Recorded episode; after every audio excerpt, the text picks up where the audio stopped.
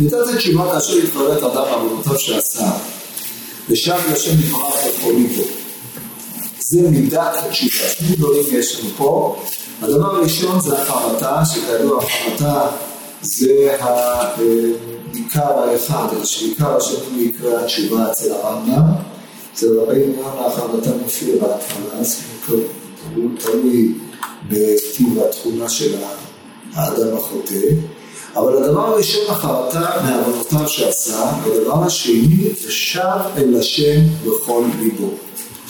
ואל יצמא אדם מאיזה טעם יועיל לתשובה אחרי שכבר חטא. הרי בבית דין שבאת אחרי שעשה חטא שחייב מיתה, אף שהם יודעים שכבר שם את לא פטור מן המיתה. כלומר, שואל רבנו, שואל המעמד את השאלה הפשוטה, מי שהתחרטת על העבר, אבל איך התשובה הזאת תועיל? הרי החטא שחטאת במציאות לא נמחקת, היא קיימת ועומדת, בפרט אם החטא הזה מטיל אה, רושם, כמו שאדם הרג, גנב, רצח, ודברים שהם אינם ניתנים להישבון, איך יועיל התיקון? מביא המערב ראיה שהרי בית דין של מטה דנים את האדם והם אינם פותרים אותו בשל התשובה יתרה מזאת. בית דין של מטה שדנים על האדם לפני שמענישים אותו אם במלכות, אם במיטת בית דין, אומרים לו יתוודה שכל המפנתים מתוודים, או לפני שמלקים אותו, אומרים לו תתוודה לפני שאתה לוקה, מפני שאם הוא לא יתוודה, אז המלכות שהוא לוקה או המיטה שממיתים אותו, לא מכפרים לו. הווידוי נותן ערך לעונש שהאדם נענש, שזה כבר חצי מהפתרון השאלה הזאת. מכל מקום, הנחת השאלה היא די פשוטה. אם התשובה היא מחיקת מה שאירע בעבר, הדבר הזה הוא בלתי אפשרי. הוא לא מדבר על העולם. העולם הזה זה לא בשלב זה, הוא אומר... מה? זה לא העולם הזה שאתה עונשים, זה כל פתרון. כן, אבל כאשר הרי אומר לך, באיזה טעם תועיל התשובה? פירושו של דבר, אם מענישים אותך בעולם הזה, אז פירושו של דבר שהתשובה לא אמורה לסלק ממך את העונש, אז למה היא אמורה להועיל? זה בהנחה שתשובה אמורה להיכנס במקום העונש, זה הנחת השאלה, אנחנו נראה שהוא יזיק אותה בהמשך. דבר זה מפני כי אין בית דין של מעלה בית דין של מעלה שווים. פה אומר חידוש גדול, כי בית דין מעלה כמו שתחת הייתה הרע, שדנים על הרע, כמו דנים על טוב גם כן. מפני כך אם אדם כבר עשה תשובה ותיקן את מעשיו, הוא לזכות בבית דין של מעלה, שכשם שהדין לרע תחת ידם, כך מעשים הטובים דנים עליו. אבל בית דין של מעלה אין משגיחים, אז דנים את האדם על הרע בלבד, דבר זה בארבע בפרקים עשרים כך שוחד, שם, עין שם. אמנם, לפי הדברים אשר אמרנו, כי התשובה הוא שייך מצד השם יתברך דווקא, כי הוא בלבד מקבל שרים מדבר בדין של מעלה, דווקא מנקה לשנים בדין של מטה. כי התשובה שייכת לשם יתברך, כי מצד השם יתברך יש תשובה אל האדם לא זה כלל, ולכן תמצא תשובה בבית של מעלה ובבית של מטה, באנו מהחוכמה ולך די קטנה ברפואה, וכן הנבואה מעלה מצד השם יתברך, ולכך בדין של מטה, אין דין שלהם מצד התשובה.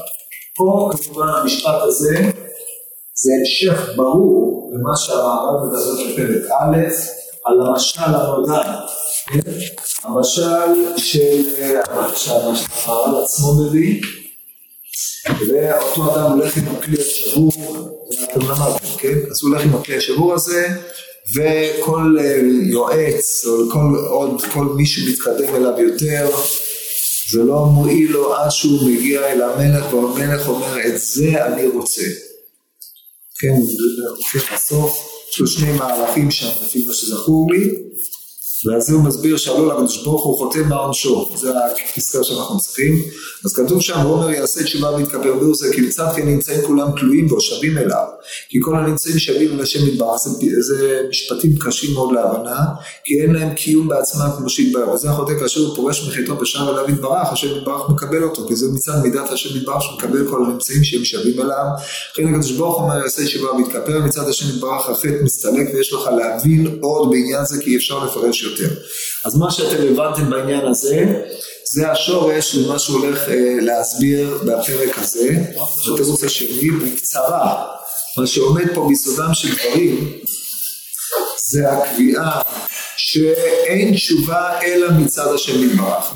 המשמעות שלנו של דברים היא שביחס לכל אירוע שאדם עושה בעולם הזה, החיים בעולם הזה מתמשכים ואירוע רודף אירוע, חוק הסיבתיות הטבוע על המציאות אומר שמה שעשית בזמן נתון ישפיע על מה שתעשה בזמן אחר כך והדבר הזה הוא לא ניתן לשינוי, לכל היותר אנחנו יכולים לומר שאתה יכול לתקן מעט מהנזקים שעשית, מעין למה ניתק לעשר, שעשית מתקן אחר כך את הלמה, אבל כאשר אתה דן על המציאות כפי שהיא מוטבעת מנקודת ראות אימננטית, התשובה במובן של ניקוי הוא בלתי אפשרי. מה עוד שהשטף החיים ושטף הזמן הוא כזה שזה חסר משמעות לחלוטין. שתבוא ותגיד אני חוזר אחורה בזמן. כמו שאתה לא יכול לחזור אחורה בזמן אתה גם לא יכול לשנות את המאורעות שהיו. יתרה מזאת, המאורעות שהיו, כמו שאמרנו, הן קובעות את מה שיהיה, מנקודת ראות סיבתית מוחלטת. אז גם אם יש לך אי אילו שינויים, חרטות, מחשבות, אז הדבר הזה אולי יכול להעמיד מציאות עתידית מתוקנת יותר, אבל אם לא היית חוטא בעבר, שמא המציאות העתידית הייתה עוד יותר מתוקנת, ונמצא שאתה הזקת יותר ממה שהועלת. אם אנחנו מקבלים השקפת עולם כזאת, שיש השקפת עולם אימננטית, די פסימית, אבל ריאלית מאוד, שקשה להתווכח איתה. אין אף אחד שיכול להגיד משהו אחר. שאלו לחוכמה, חוטא מה עונשו, אמר חטאים תרדף רע, דהיינו הרע שהחטאים הללו עשו, היא זו שתרדף אותה, מפני שהרע שאדם עושה מביא את, את, את אותו מרע לידי הכיליון. שאלו לנבואה חוטא מעונשו, אמר הנפש החוטאת היא תמות, מפני שהנבואה על אף שהיא צופה עתידות, אבל אחרי ככלות הכל האופק שלה הוא תיקון העולם, כאשר לחטא אין מקום בעולם. ולכן הנפש החוטאת היא תמות, אין לה שום עמידה אחרי שהיא פגעה בכבודו של מלך, כיוון שתכלית העולם הוא גילוי כבוד, כבוד מלכותו, כל פגיעה בגילוי כבוד מלכותו לא נותן זכות קיום לפוגע. שאלו לתורה חותם מה עונשו, מה התורה, מה היא אמרה? יביא אשם ויתכפר. עכשיו מה פירוש יביא אשם ויתכפר? זאת אומרת אם תשיב על האשם משהו צריך להביא איזושהי חלופה תחת האדם עצמו. כן, הדבר הזה הוא כבר מדרגה יותר מתוקנת או מדרגה יותר אופטימית משהו, אבל על כל פנים נדרשת מן האדם התכפרות. התכפרות זה סוג של ניקוי, והניקוי הזה בא על ידי אה, המחיר שאדם צריך לשלם עבורו. שאלו לקדוש ברוך הוא חותם מה עונשו, אמר יעשה תשובה ויתכפר. אז זה כתוב טוב וישר, השם על כן יורה חטאים בדרך ידרך אמרים משפט וילמד על אבים דרכו, מפני שרק הקדוש ברוך הוא יכול לומר את זה. מדוע? מפני שלקדוש ברוך הוא יש נקודת מבט טרנסצנדנטלית, לא אימננטית. בעברית. מה שזה אומר, שנקודת המבט של הקדוש ברוך הוא על העולם היא איננה נקודת מבט כפופה לסיבתיות זמן ומקום שהמאורעות שוטפים בזה אחר זה וכל מאורע יש לו קשר עוטף את המאורע הבא אחריו. אלא הקדוש ברוך הוא כל העולם הוא גילוי של רצונו הפשוט ורצונו הפשוט של הקדוש ברוך הוא הוא שהעולם ישוב אליו. שיבת העולם אל הקדוש ברוך הוא זה תכלית רצונו והוא כמובן חיצוני לעצמו של העולם. החיים בתוך העולם מכוונים אל משהו מעבר להם. וכדרך שהדבר הזה נכון לגבי העולם, מה שקרוי האדם הגדול או העולם בכללו, הוא נכון לגבי כל אדם ואדם. השאיפה או התכלית של האדם היא שיבה אל השם. ולכן התשובה קדמה לעולם. במובן הזה שבאיזשהו מקום האדם בא משורשו מתחת כיסא הכבוד, אני מדבר על אדם בישראל כמובן, והוא חוזר למקום שהוא בא משם, כן, הולך אדם אל בית עולמו, והקדוש ברוך הוא השביעו בעולם לעשות את תפקידו. אם כן, המעשים הפרטיים של האדם וההשפעה שיש להם על מאורעות החיים, על תולדות החיים האלה ואחרים, הם בעצם מסתובבים סביב הם, הם, או, הם אוסף פרטים ביחס לתכלית של אותה נפש שירדה לעולם הזה, שעניינה לשוב אל השם כמות שהייתה, כן, והרוח תשוב אל האם אשר נתנה. אשר על כן, התשובה לפי שיטת המהר"ל, שיאה הוא במוות, זה ראיתם בטח נגיד את זה בהמשך אולי, הוא במוות, כי המוות זה התשובה העצמית שאדם חוזר אל השם יתברך, כן, זה הסוף החיים שלו, אבל גם בשלבי הביניים כאשר אדם עושה תשובה, אז יש בזה בבחינת ניתוק ממה שהיה ושיבה אל השם כדי לחזור ולקבל ממנו חיות להתקדמות העולם. זה הרעיון שרק הקדוש ברוך הוא יכול לומר אותו מפני שהוא מאפשר יציאה מן השטף של זמן מקום. זה הרעיון של התשובה כפי שהוא הביע אותו בקצרה. אני, אני מניח ששמעתם את זה בניסוח אחר אבל זה חוזר הכל לאותו דבר. כן. למה הכלי שבוי? למה הכלי נקרא שבוי? טוב, אז למה, במשל שלך, כן? מה זה כלי שבור? כתוב לב נשבר ונדכה אלוהים לא תבזה. מה, מהי שבירת הכלים? על מה אנחנו מדברים כשאנחנו מדברים על כלי שבור? כלי שלם יש בו שני צדדים. מצד אחד הוא מהווה את הפונקציה שלו. אבל מצד שני עצם היותו עומד במצב של כלי בשלמותו הוא מהווה את ההגבלה והעצמיות של הכלי, הניתוק של אה, האדם, האדם שרואה את עצמו כלי שלם ולא שבור, פירושו של דבר שהוא אוטונומי, דהיינו הוא יכול לעבוד עם היכולות הנתונות לו, לכן הוא שלם. כלי שבור פירושו של דבר בהקשר של הכרת הלב, פירושו של דבר שהאדם מעצמו לא יכול לפעול כלום.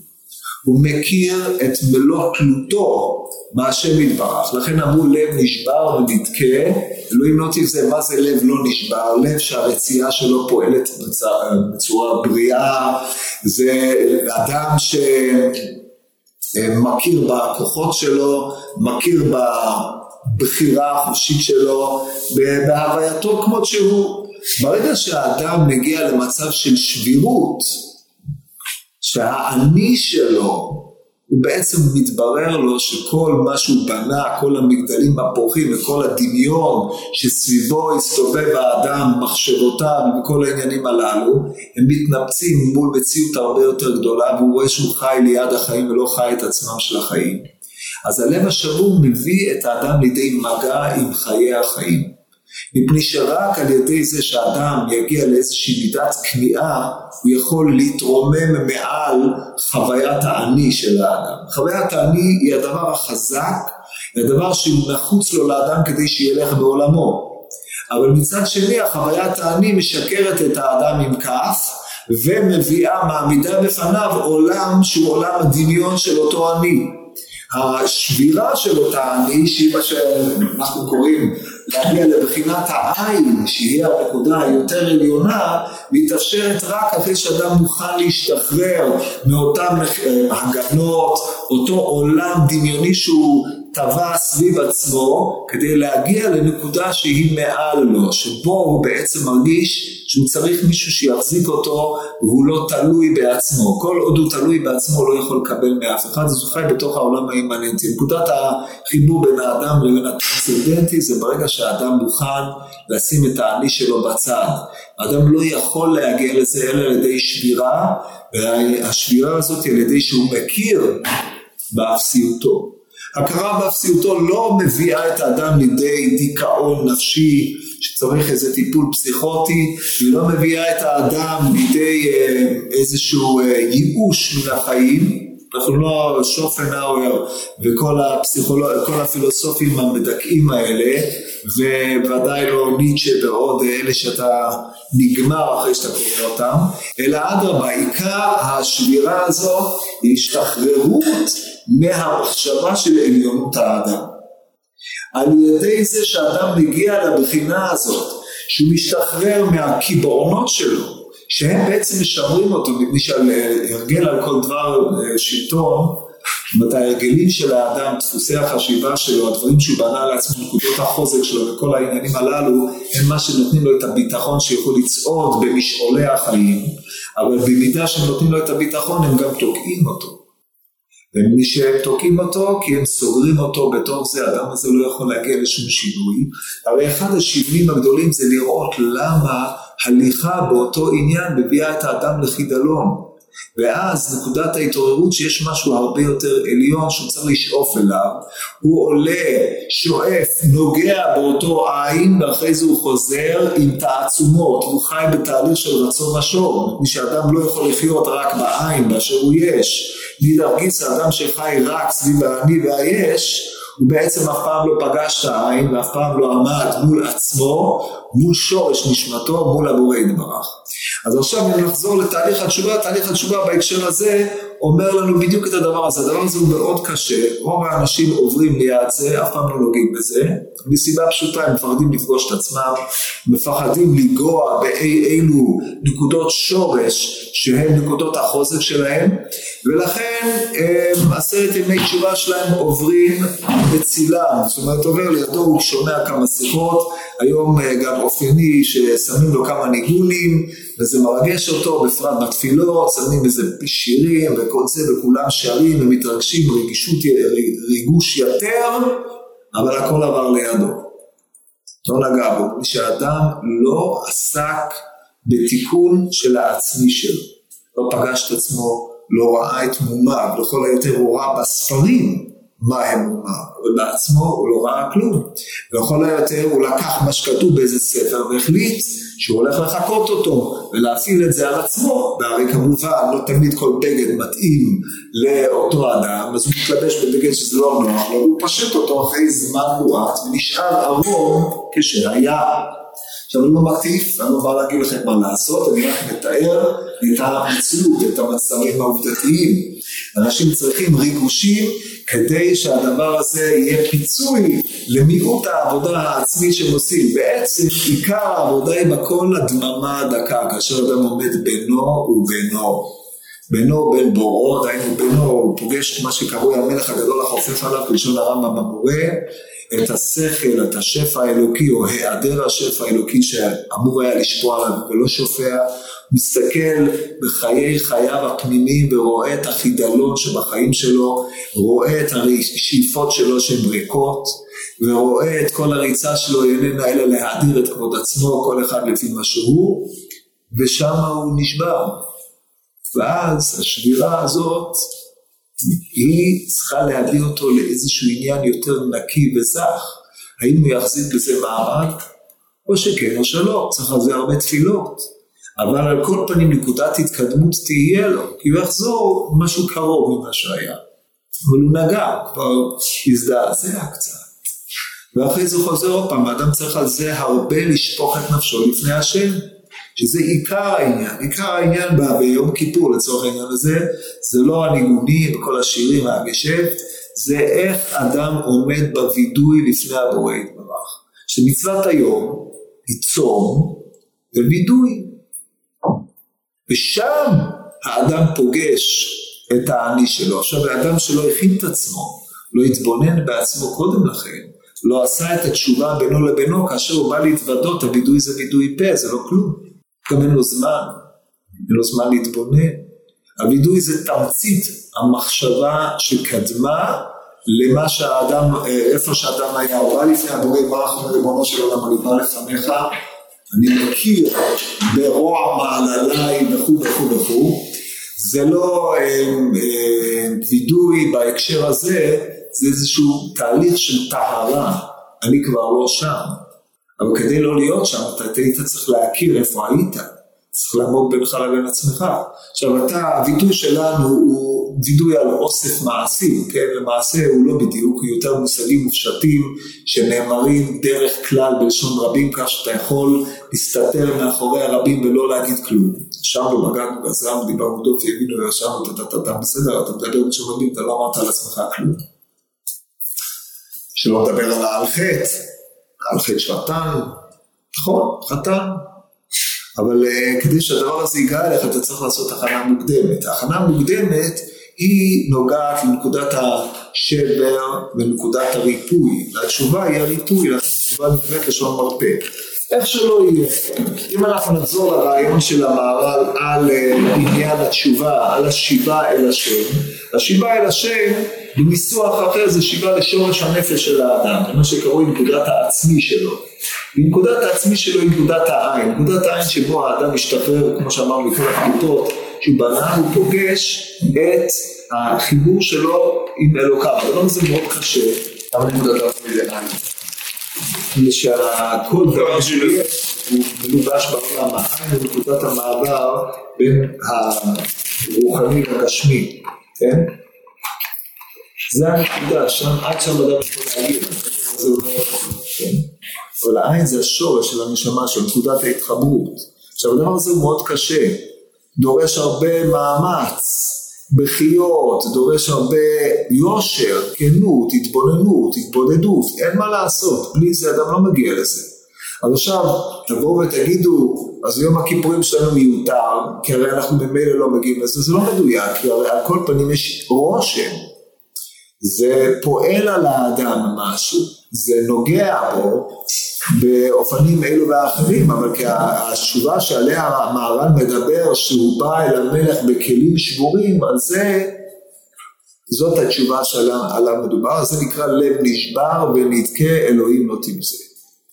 זה מדרגה שהיא מאוד מאוד קשה להגעה, אדם יכול להתקרב אליה, להסתובב סביבה יותר או פחות, לפי מידת היושר האינטלקטואלי והיושר האישי שלו ומידת ההכרה הפנימית של טבעו, כמה הוא עומד מול אלוקיו. הדבר הזה הוא במקום שאדם סוגר את הספר, שם הוא מתחיל את העבודה הזאת. כל עוד הוא קורא בספרים, אז הוא מוגן מפגישת עצמו, כן? לכן קריאת הספרים היא יכולה להיות רק מעוררת. אבל בסופו של חשבון הפגישה של האדם עם עצמו היא בינו לבינו. אז זה אמר החכם ואמר הלל הזקן, אם אין אני לי מי לי, וזה מאמר של רבי מיונה שרציתי לקרוא לכם, אקרא לכם בקצרה, כמו שאנחנו במערל, אחרי זה נסביר לכם מה, הוא אמר פה. אומר המהר"ל בשער שני בסוף, רבי מיונה, דברים חריפים ביותר. הנה נחתום העניין הזה, זה נמצא בעוד כ"ו. הנה נחתום העניין הזה במאמר נכבדה של החכמי ישראל זיכרונם לברכה, יעל עליו השלום אומר, אם אין אני לי מיליוק כשאני לעצמי מה אני ואם לא עכשיו ומתי. מכירים את זה, זה משניות, אבות. ביור הדבר, אם האדם לא יעורר נפשו, מה יועילוהו המוסרים?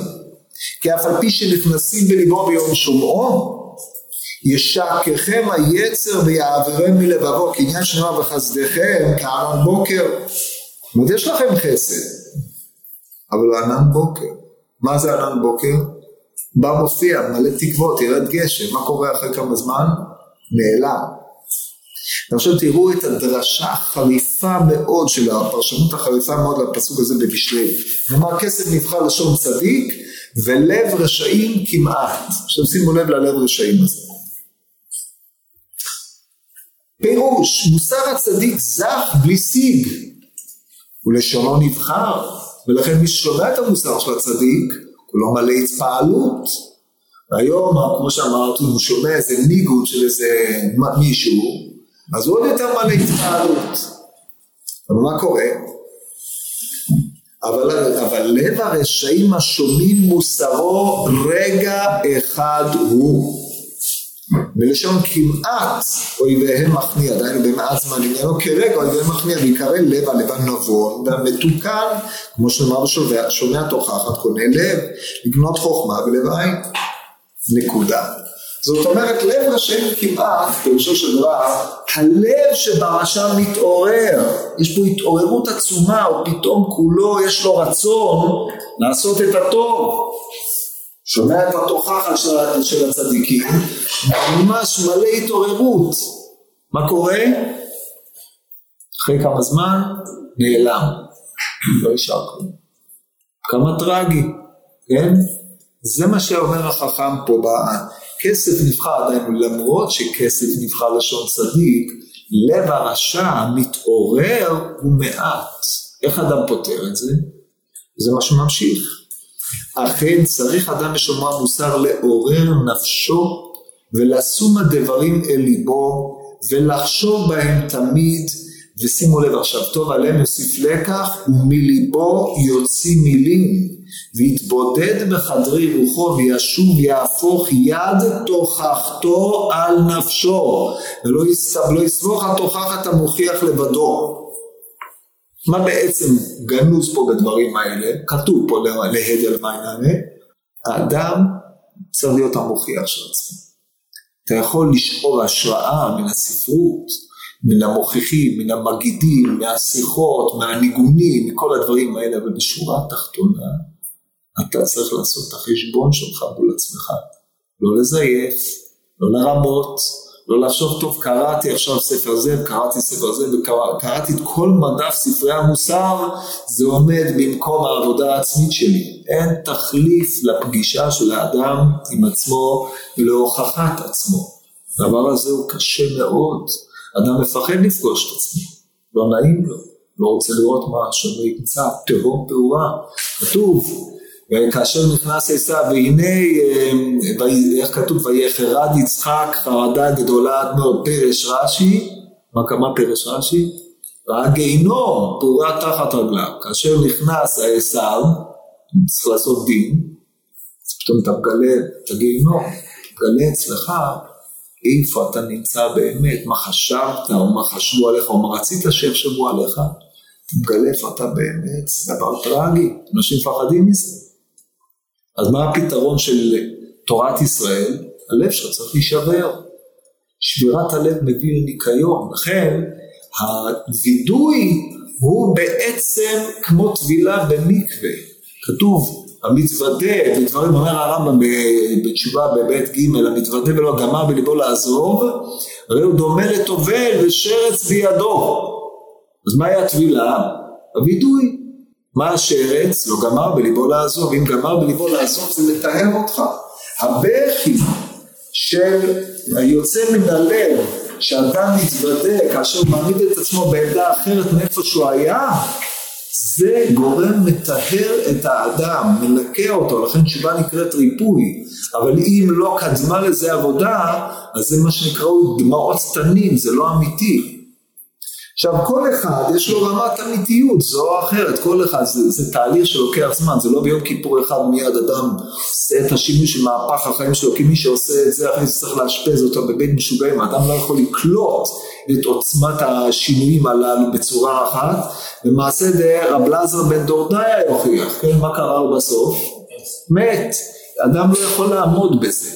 אז לפחות הוא צריך להיות בבחינת נוגע ולא נוגע, להתמודד עם איזשהו קושי, לראות את הזיוף שיש בו בחיים, לעצור, להגיד הוא מתקן, לעשות את זה במידה, הדבר הזה יועיל לו.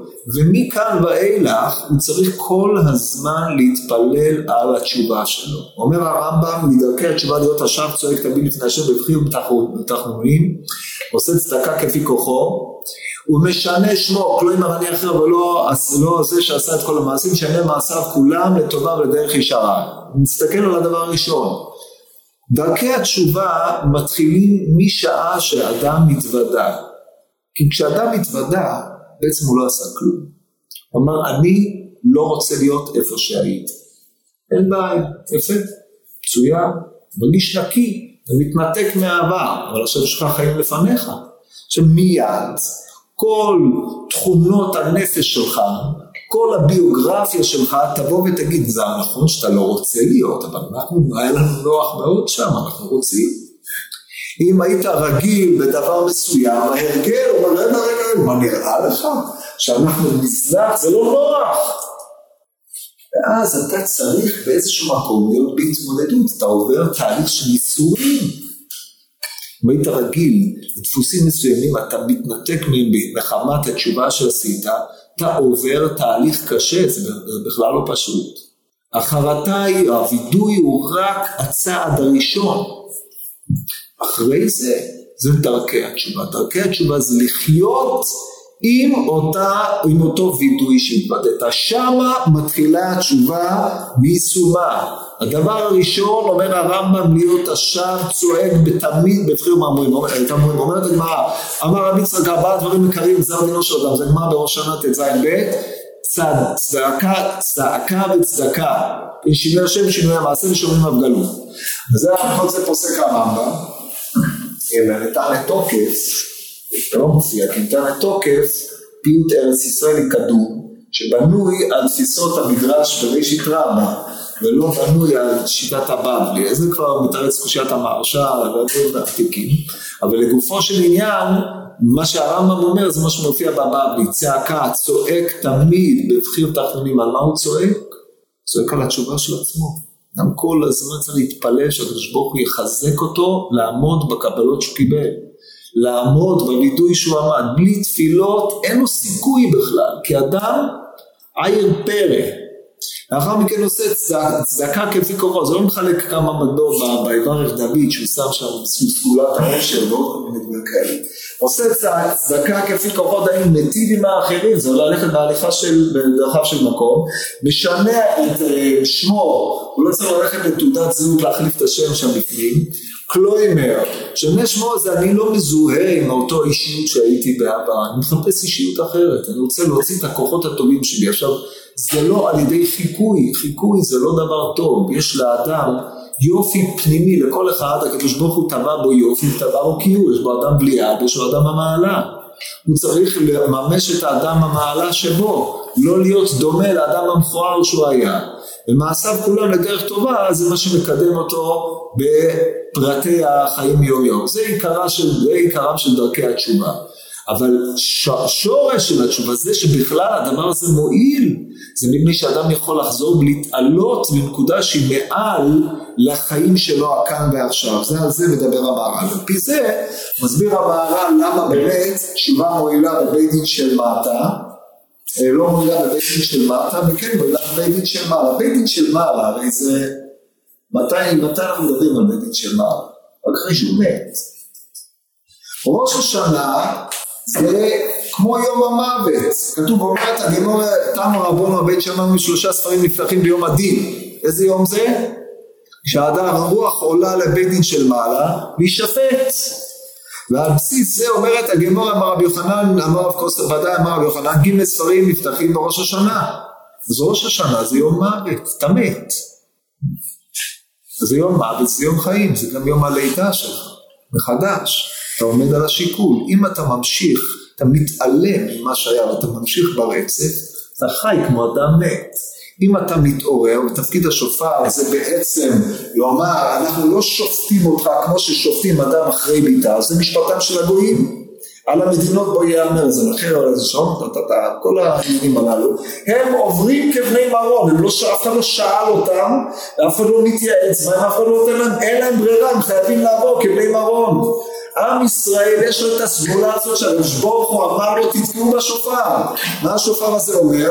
אנחנו רוצים להעמיד את המשפט על עצמנו. שופר עיקרו העמדת האדם את הדין על עצמו. ידוע בפנימית שופר שואל מיסוד הבינה. הבינה זה מקור החיים. ולכן האדם יכול להעמיד את עצמו במשפט, כמו שאומר המוהר"ן בליקוטים, שאם אדם שופט את עצמו, הקדוש ברוך הוא לא שופט אותו, הוא מעמיד את עצמו במשפט. ולכן זה התשובה של האדם מכאן ואילך שהוא מקבל על עצמו את החיות. אם הוא ממשיך לזרום עם החיים כמו שהיו, אז הוא ממשיך להיות מת, כמו שהיה, כמו ששופטים מתים. מה שנגזר עליו נגזר עליו. ההתייחסות שלו מכאן ואילך לחיים באופן אחר, בעצם הוא תחילת החיים, כל המאורעות הבאים עליו, הוא נמצא בשיח אחר עם הקדוש ברוך הוא, זה יסוד החיים של ראש השנה. ראש השנה הוא פתיחה ליום צום, ביום הכיפורים זה הראש השנה האמיתי. כמו שכתוב בספר יחזקאל, בראש השנה בעשירי לחודש. ששם לעם ישראל זה הזמן שבו נחתך עליך, איך, איך שאתה העמדת את, את, את, את עצמך, זה הקשר שאתה קובע עם הקדוש ברוך הוא. עכשיו למזלנו הטוב, הלכה כרבי יצחק, שהצעקה יפה לעולם, לכן הרמב"ם פוסק בהיבטנו בהלכות תשובה, אף על פי שהצעקה, תשובה והצעקה יפה לעולם, בעשרת הימים שבו לא שואל על יום הכיפורים יפה ויותר מיד היא מתקבלת. מה עשה פה? הוציא את העוקץ מעשרת ימי תשובה כביכול, כן? כי הרי יפה לעולם, אתה כל יום יכול לעשות את זה, כמו שכל יום אתה יכול לחזור ולהעמיד את עצמך, אה, זה השעון מעורר. קיצור, בכל יום אתה צריך להעמיד את עצמך מוכן, וכמו שהרמב"ם אומר, לפי חקירת עם את עצמו כל השנה, כל החצו חייו וחצו זכאי. הרעיון של שופר, של ראש השנה, אדם מצד עצמו, אותו רעיון נסגר, אדם יכול ליישם על עצמו כל יום. כמו שכתוב שהרב נחמן היה מתחיל כמה פעמים ביום מחדש, כמה פעמים בלקוטי, בשיחות הר"ן, כל העניינים האלה, ואותו דבר על יום כיפור, אדם תמיד יכול להחליט שהוא עושה תשובה ומתחיל, אבל העשרה ימים הללו יש להם סגולה יתרה, שהצעקה של אדם מתקבלת מיד, הלב של האדם נפתח הרבה יותר בקלות, נשבר הלב שלו יותר בקלות, הוא יכול לעשות את החשבון נפש הזה יותר, יותר טוב, ומה עוד שהקדוש ברוך הוא הבטיח שביום הזה הוא מכפר. אם הוא הבטיח שביום הזה הוא מכפר, האדם צריך להעמיד את עצמו ראוי לכפרה ביום הזה, זה התפקיד שלנו לקראת יום הכיפורים, להעמיד את עצמנו ראויים לכפרה. כפרה זה בחינת ניקיון. לנקות את עצמנו כדי שנתחיל את השנה בדרך חדשה עם התבוננות, לקבל עלינו קבלות טובות שנוכל לעמוד בהן, שלא יהיה תשובה של רמיות. ובעיקר חיי עולם וחיי שעה, חיי שעה זה התפילות, חיי עולם זה תלמוד תורה. שני הדברים הללו, בחורי ישיבה בזה צריכים תמיד להתחזק, כמו שכתוב בארבעה דברים צריכים חיזוק, ואדם יחזק עצמו בדברים האלה, ויזכה להתחתן בחיים טובים, אמן.